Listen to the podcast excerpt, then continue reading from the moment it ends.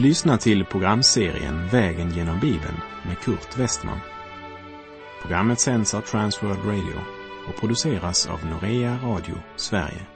Vi befinner oss nu i Uppenbarelseboken. Slå gärna upp din bibel och följ med. Vi har kommit till det fjärde kapitlet i Johannes uppenbarelsebok. Och det fjärde och femte kapitlet utgör en inledning till de framtidssyner som är bokens egentliga huvudinnehåll. Det Johannes här återger är utan personnamn, utan årtal och utan den uppdelning av den historiska tiden som man eljest finner i våra historieböcker. Ja, faktiskt utan någon annan kronologi eller tidsram än att det talar om tiden före och efter Jesu återkomst. Gång på gång hör vi Johannes säga, därefter såg jag. Här uppenbaras de andliga krafter som är verksamma i historien och att lidandet är församlingens kännetecken. Men budskapet ger ingen fortlöpande historia, men en lång rad med syner som Herren ger Johannes och sin församling om det som skall ske intill den dag då Jesus Kristus kommer åter i ära, makt och härlighet. Budskapets mål, det är att ge tröst åt Guds barn i ändetiden och att uppenbara och avslöja de andemakter som är verksamma, avslöja deras djup, vad som ligger bak, avslöja deras lögn och bedrägeri, avslöja deras mål. Och visa oss att endast det trovärdiga och sannfärdiga vittnet kan vi lita på. Reformatorn Luther talar om två kors som de troende måste bära. Det ena är det allmänna kors som alla människor mer eller mindre får sin del av. Det andra är det gyllene korset, trons kors, som endast det troende bär. Vi minns att Herren Jesus sa till Johannes i Uppenbarelseboken 1, vers 19 Skriv alltså ner vad du har sett och vad som är och vad som skall ske härefter. Vi lever i en tid då många av Bibelns profetior börjar gå i uppfyllelse. Och Bibelns profetior och tidens händelser närmar sig varandra med kollisionskurs. Det som många granskare av profetiorna har talat om i hundra år börjar nu ske, vilket ger även uppenbarelseboken en helt ny aktualitet. Och kanske bör vi än en gång påminna varandra om att livet är kort och levs bara en gång. Och evigheten är lång. Därför borde varje människa besinna livets och evighetens allvar. Nu är det Kristus som skriften fokuserar på. Vår frälsare och Herre, vars ämbeten är profet, överste präst och konung. Vi läser Uppenbarelseboken 4, vers 1. Därefter såg jag och se en dörr stod öppen i himlen och den röst jag först hade hört tala till mig som en basun sade Kom hit upp så ska jag visa dig vad som måste ske härefter. Jag såg talar om ögats port. Jag hörde talar om öronens port. Och Herren använder båda dessa naturliga kanaler för att ge sin tjänare detta övernaturliga, gudomliga budskap. Och vad är det Johannes ser? Han ser en dörr stå öppen i himlen. Och det är en av de fyra dörrar som Uppenbarelseboken talar om. Den första mötte vi i Uppenbarelseboken 3, vers 8. Se, jag har låtit en dörr stå öppen för dig, en dörr som ingen kan stänga. Det är Herrens budskap till församlingen i Filadelfia. Och det ser ut att tala om den dörr som heter möjligheten att sprida Guds ord. Budskapet om den korsfäste och uppståndne Kristus. Den andra dörren är en stängd dörr som Herren inbjuder oss att öppna och som vi mötte i budskapet till Laodikea, kapitel 3, vers 20. Se, jag står vid dörren och klappar på. Och den tredje dörren, det är dörren som omtalas här i Uppenbarelseboken 4.1. Jag såg en dörr stod öppen i himlen. Den fjärde dörren, den återfinner vi i Uppenbarelseboken 19.11. Och det är något mera än en dörr som är öppen. För Johannes ser där himlen vara öppen. Ja, han säger, jag såg himlen öppen. Och när det gäller Uppenbarelseboken 11.19 ska vi lägga märke till att det står inte jag såg en dörr öppnas. Men det står jag såg en dörr stå öppen. Den dörren har varit öppen hela tiden sedan löftet om Messias blev uttalat på syndafallets dag. I Gamla förbundet levde man i förväntan på att han skulle komma. Efter Kristi försoningsdöd och uppståndelse lever vi under en öppen himmel. Kristus är den dörr genom vilken människan kommit till Gud i snart 2000 år. I Johannes evangeliets tionde kapitel, vers 9 säger Jesus Jag är dörren. Den som går in genom mig skall bli frälst och han skall gå in och ut och finna bete. Och i Johannes evangeliet 14, vers 6 säger han jag är vägen, sanningen och livet. Ingen kommer till Fadern utom genom mig. Och efter att Johannes skrivit ner budskapet till de sju församlingarna så säger han alltså Därefter såg jag och se, en dörr stod öppen i himlen. Och innan vi vandrar vidare så mediterar vi över de orden en liten stund och då med Jesu ord ”Jag är dörren” i våra tankar.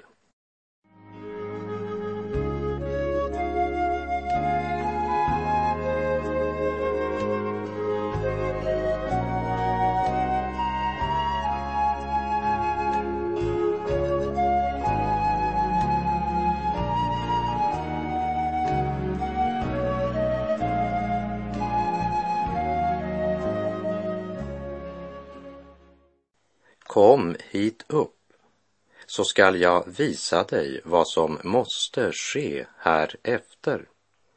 I Johannes evangeliets första kapitel, vers 51 hade Jesus sagt Sannerligen, jag säger er, ni skall få se himlen öppen och Guds änglar stiga upp och stiga ner över Människosonen. Och Johannes han är den första av lärjungarna som får en inblick i detta innan riket kommer i härlighet. Löftet gick i andlig uppfyllelse redan när Kristus stod upp förhärligad och hade besegrat döden. Men nu får Johannes se in i Guds barns framtid och han lyfts till ett plan han aldrig tidigare varit men hade fått en försmak av vid förklaringsberget. I anden lyfts Johannes till den himmelska världen och innan det sker hör han den första rösten som han hade hört tala till sig som en basun säga Kom hit upp så skall jag visa dig vad som ska ske härefter. Vi läser Uppenbarelseboken 4, vers 2 och 3. Och strax kom jag i hänryckning och se, en tron stod i himlen och någon satt på tronen. Och han som satt där syntes mig lik jaspis och karneol. Och kring tronen var en regnbåge som var som smaragd. Johannes ser in i en himmelsk verklighet för vilken det inte finns några jordiska ord som kan beskriva vad han ser. Därför säger han inte att Gud eller Kristus satt på tronen, men han säger bara att någon satt på tronen. Det han ser kan inte beskrivas. Vidare säger han att han syntes mig lik jaspis och karneol. Och omkring tronen var det en regnbåge och Johannes säger inte att den var av smaragd, men den var som smaragd. Det är det närmaste han kan komma i sin beskrivning. Det vi ska komma ihåg är att tronen vittnar om en härskare. En plats från vilken det utövas regering och utgår befallningar. Språket och uttrycken Johannes använder visar respekt, vördnad och förundran. Vi har ingen möjlighet att förstå hur Johannes kände det i detta ögonblick och det är inte heller nödvändigt. Johannes har lyfts upp och står vid skapelsens och historiens fasta punkt. Vid den tron från vilken det en gång göd var det ljus och det blev ljus. Ibland så tänker och talar vi som om Gud vore en mänsklig privatperson. Men den som verkligen får nåden att träda in i Guds närhet drar skorna av sina fötter och böjer sig till marken inför den helige. När Herren uppenbarade sig för Mose i den brinnande busken så läser vi i Andra Mosebok kapitel 3, verserna 4 och 5.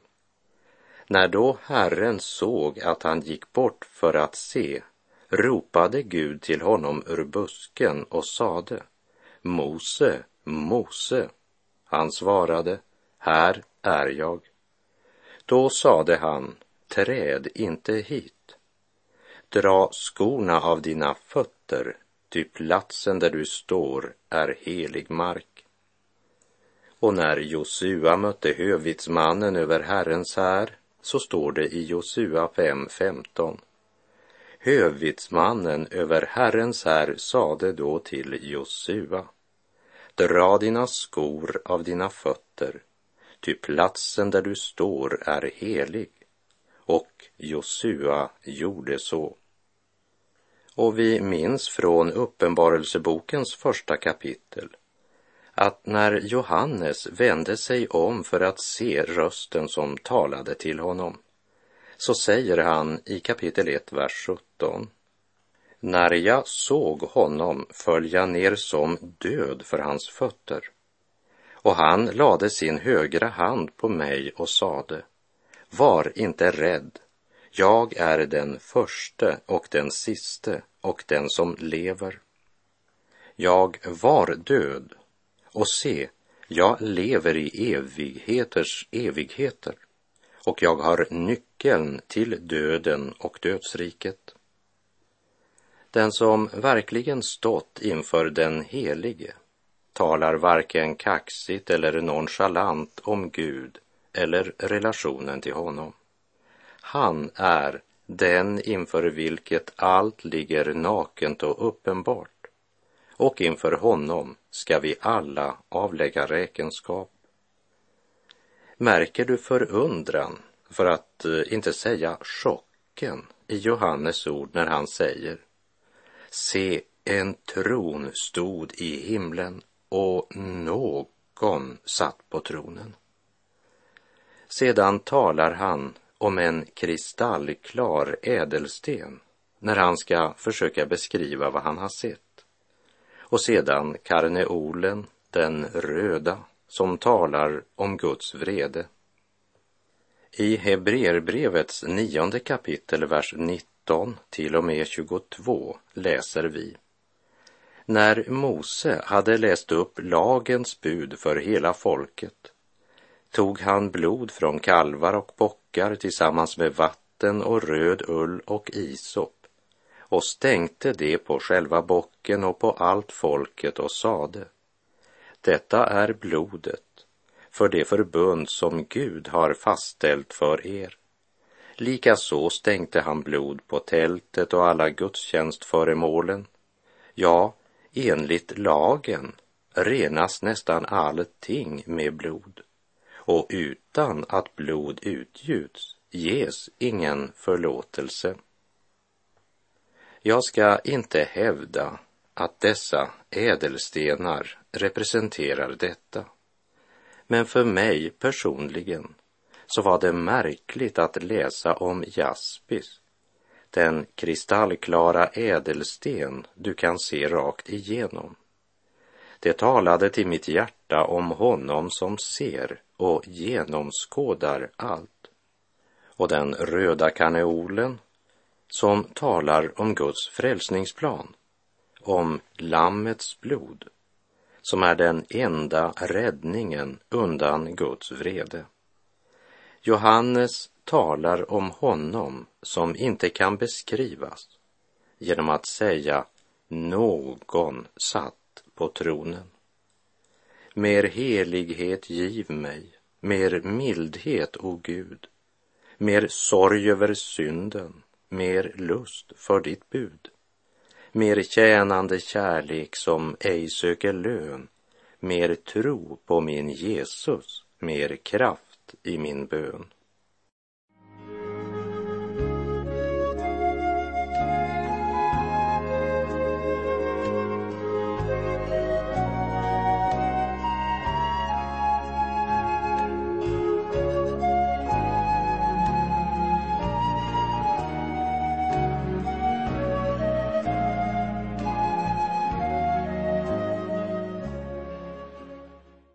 och kring tronen var en regnbåge som var som smaragd.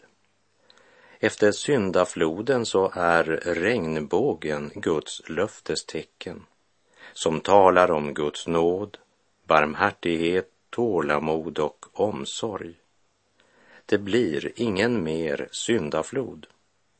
I Första Mosebok kapitel 9, vers 12 och 13 står det min båge sätter jag i skyn. Den ska vara tecknet till förbundet mellan mig och jorden. Och när jag härefter låter skyar stiga upp över jorden och bågen då syns i skyn skall jag tänka på det förbund som har blivit slutet mellan mig och er. Guds tålamod tar inte slut förrän det avlöses av vredesdomen. Vi läser Uppenbarelseboken 4, vers 1. Och runt om tronen såg jag 24 troner och på tronerna satt 24 äldste klädda i vita kläder och med kransar av guld på huvudet och från tronen kom det ut blixtar, dån och åska och framför tronen brann sju facklor. Det är Guds sju andar. Framför tronen låg liksom ett hav av glas, klart som kristall. Mitt för tronen och runt om den stod fyra väsen som hade fullt med ögon fram till och bak till. Det första väsendet liknade ett lejon, det andra en ung tjur, det tredje hade ett ansikte som en människa och det fjärde liknade en flygande örn. Vart och ett av de fyra väsendena hade sex vingar och de hade fullt med ögon runt om och på insidan av vingarna. Dag och natt säger det utan uppehåll. Helig, helig, helig är Herren Gud den allsmäktige, han som var och som är och som kommer. Och när dessa väsen prisar, ärar och tackar honom som sitter på tronen och som lever i evigheternas evigheter, då faller de 24 äldste ner inför honom som sitter på tronen och tillber honom som lever i evigheternas evigheter. De lägger ner sina kronor inför tronen och säger Du, vår Herre och Gud, är värdig att ta emot pris, ära och makt, ty du har skapat allt. Genom din vilja kom det till och blev skapat. I Kolosserbrevets första kapitel, vers 16 och 17 skriver aposteln Paulus. Ty i honom skapades allt i himlen och på jorden, det synliga och det osynliga, tronförstar och herradömen, makter och väldigheter. Allt är skapat genom honom och till honom. Han är till före allting och allt består genom honom. Paulus talar om det synliga och det osynliga, tronfurstar och herradömen, makter och väldigheter. Och det är något av allt detta Johannes här får skåda in i. Kapitel 4 koncentrerar sig omkring denna tron och omkring den eviga världen. Vi lyfts här upp tillsammans med Johannes och påminns om tronen som skall bestå också efter att alla jordiska troner lagts i grus. Medan man på jorden reser troner som sedan skall störta brinnande ner i djupet. Runt de olika jordiska troner är det larm och skrål, förtryck våld och kaos. Och när det tycktes stå där som säkrast vacklade det och föll. Medan den himmelska tronen står släkte efter släkte och består i evighet. Himmel och jord skall brinna, höjder och berg försvinna. Men den som tror skall finna löftena, det står kvar. Ja, så sjöng Levi Petrus. Och det är en profetisk sång som vi dagligen borde gå och nynna på. Från tronen kom det ut blixtar, dån och åska. När två motsatta poler konfronteras uppstår spänning. Och här kan vi verkligen tala om högspänning som uppenbarar något av den strid som pågår i andevärlden. Och den verkliga kraften utgår från den himmelska tronen. Framför tronen brann sju facklor. Det står som en illustration på Guds helige ande, vars gärning är att uppenbara Kristus och att samla en brud åt lammet från alla stammar och folkslag, jude såväl som grek eller svensk. De 24 äldste, det står som en symbol på hela mänskligheten. Bilden är hämtad ifrån Gamla testamentet där församlingen var representerad genom 24 äldste i 24 olika prästskift. Ett annat tal som symboliserar hela Guds församling, det är tolvtalet, som också det är hämtat från Gamla testamentet, där Guds folk bestod av tolv stammar. Skillnaden ser ut att vara att de 24 äldste är en bild på församlingen i sin himmelska skickelse medan tolvtalet illustrerar församlingen i sin jordiska skickelse på vandring genom öknen till Kanans land. Vad som tänder Andens eld i församlingen som här står inför tronen, det ser vi genom deras vita kläder. På dessa troner satt 24 äldste, klädda i vita kläder och med kronor av guld på huvudet. Det är den klädnad som kallas rättfärdigheten från Gud genom tro. Skruden som heter syndernas förlåtelse, som smyckar Lammets brud, som också bär segerkronan av guld. Det var nog det som Jesus gjorde. Det som bar sitt kors och följde Jesus har nu mottagit segerkronan. Korset först och kronan sedan stod det på en gobeläng som man förr ofta återfann i hemmet hos troende. Och Jesus själv säger ju i Lukas 14, vers 27. Den som inte bär sitt kors och följer mig kan inte vara min lärjunge. Giv mig den tro som skådar dag, där världens ögon blott ser natt. Den tro som söker Guds behag och på hans vägar vandrar glatt den tro som offrar världens glans för äran att få vara hans. De lägger ner sina kronor inför tronen och säger Du, vår Herre och Gud, är värdig att ta emot pris, ära och makt, ty du har skapat allt. Genom din vilja kom det till och blev skapat. Och med det så är vår tid ute för den här gången. Jag säger på återhörande om du vill och om Herren ger oss båda en ny nådedag. Herren vare med dig. Må hans välsignelse vila över dig.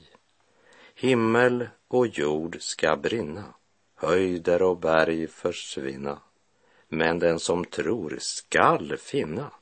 Löftena, det står kvar. Gud är god.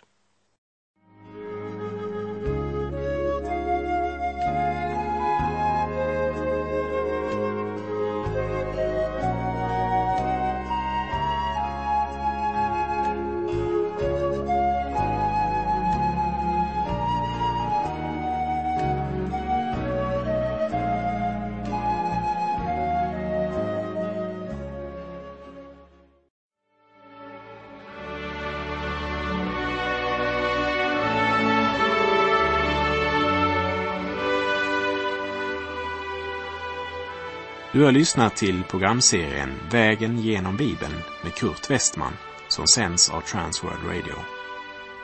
Programserien är producerad av Norea Radio Sverige. Om du önskar mer information om vårt radiomissionsarbete så skriv till Norea Radio Sverige, box 3419 103 68 Stockholm. Adressen är alltså Norea Radio Sverige box 3419. Postnumret 10368 Stockholm.